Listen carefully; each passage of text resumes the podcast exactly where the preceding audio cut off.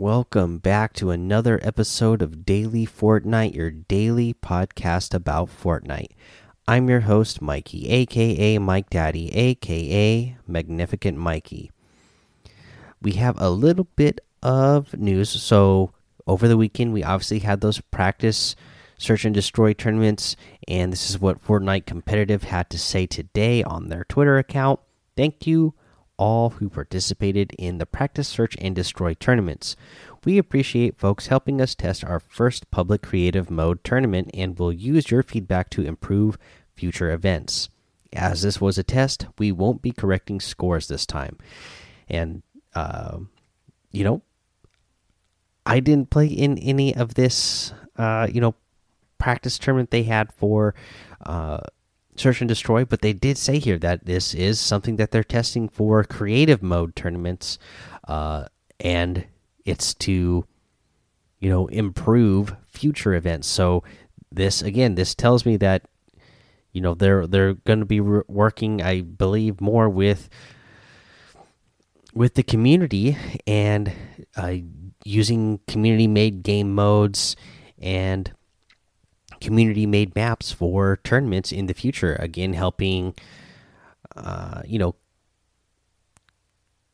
content creators get even more noticed and also just you know the fact that they are collaborating with organizations and content creators is a real big plus in my eyes. Uh, that's all the real news that we have today. Okay uh, we have the challenges still going on. You have about at the time of this recording, there's we'll just round it up and say seven days left to get the challenges done. Uh, for the love and war challenges, we've already unlocked them all, uh, and already mentioned them all. So just keep grinding. Uh, I did some myself, and yeah, I could say the, that the search and destroy maps can be kind of a grind, especially if you're playing on fill. Uh, you never know the type of teammates you're going to get, and then you don't know if you lose a round or two rounds in a row. All of a sudden, you got people dropping out like flies, and then uh, then you're in a tough position uh, because of that. You know, but uh, you know, there's a couple of things you know for. Uh, some of these challenges that you can do. Uh, I saw that Brian RTFM in the Discord was saying that uh, he actually was you know getting some of these challenges done on mobile while on the go and it's kind of easy uh, just for the fact that mobile has a little bit more aim assist and the auto fire as well. So uh, it helps you get some of those uh, eliminations and damage challenges done uh, that's for sure. Uh, let's see here. Let's go ahead and take a break now. We'll come back. We'll go over the item shop and a tip of the day Okay, so the item shop once again. Of course, we still have the Harley Quinn bend, Harley Quinn bundle for 2,000 V bucks. All the individual items as well. The metal metal mask bundle for 2,400 V bucks. All the individual items are still in here. You have the Love Thorn outfit for 1,500, the Bullseye outfit for 800, and the Clash outfit for 800 as well. Now, for the featured section, we have the Heartbreaker outfit back in the item shop. Rose is our red, violets are blue. Victory is sweet, but not without you. Perfect time to have this item back in the item shop. Comes with the sweetheart back bling as well.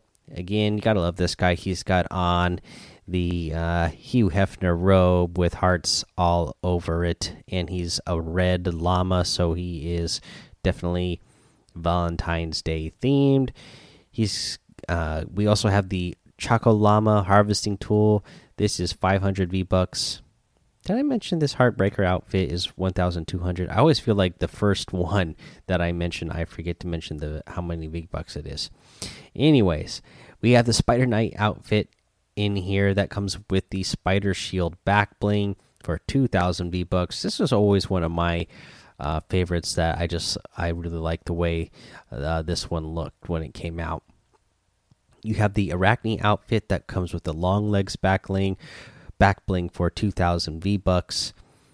The web breaker harvesting tool for 800 another one that i like a lot and the hatchling glider for 1200 i guess i just really like this whole arachnid set i mean uh, both the outfits are good the harvesting tool is good and the glider is cool so just a good set we have the monk's outfit back in the item shop uh, 1200 v bucks and it comes with the peel pack back bling we have rapscallion outfit for 1500 uh, this one comes with the uh, burgle bag back bling. We have the double cross outfit that comes with the floral shell back bling for 1200. The full tilt emote for 500. The spectral axe harvesting tool for 800. The flux emote for 500. And the rage quit emote for 200. Still have the Fallen Love Ranger challenge pack in here as well, and you can get all of these items using code Mike Daddy M M M I K E D A D D Y in the item shop, and uh, some of the proceeds will go to help support the show, and I really appreciate it. Now for our tip of the day, we're gonna again circle it back to search and destroy because that's you know the that's the challenges that we got going on right now. That's the content that we got going on, and I'm going to suggest using the stink bombs, guys. They're so good in this game mode. It's going to help you get so many more eliminations, so much more damage done. Uh, if you're actually trying to win the matches, it's really going to help you out a lot as well.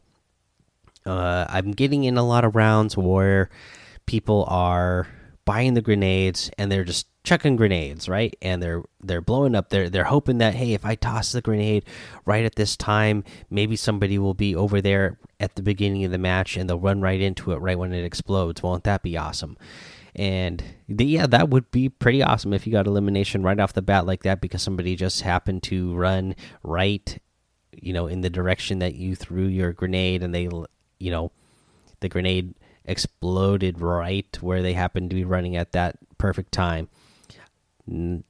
seems like that's not usually the case, though, and a lot of people are just wasting the grenades. Get those stink bombs uh, because it's actually going to change the path of players. They're obviously not going to run through it because they're going to take damage. They're going to have to run around. Uh, in this game mode, again, you're you don't have a lot of builds, so if people are using a build, they're usually just building like one set of stairs or one wall to protect themselves. You can use that stink bomb to get them out of there, and then they don't have a lot of builds uh, in this mode, so they might not have any more builds, and then you have them out in the open, able to take some good shots on them. And again, the stink grenades can be great if you are, uh, you know, on defense and. Uh, the team is, the the other team just happens to have set the bomb and they're a squad that's actually working well together and they're all you know have taken over that area uh, they probably trying to set up with the very little amount of mass they have. They'll try to set up a little base uh, of the six of them together. Uh, but if you can, you know, spread them out by throwing a stink grenade in there, then you have a much better chance of then defusing the bomb.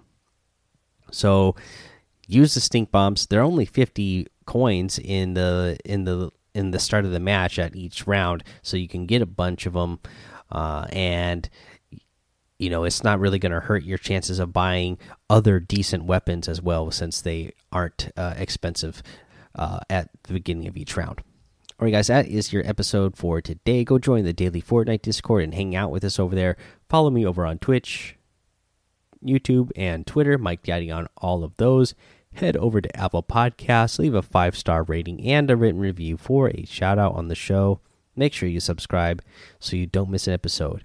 And until next time, have fun, be safe, and don't get lost in the storm.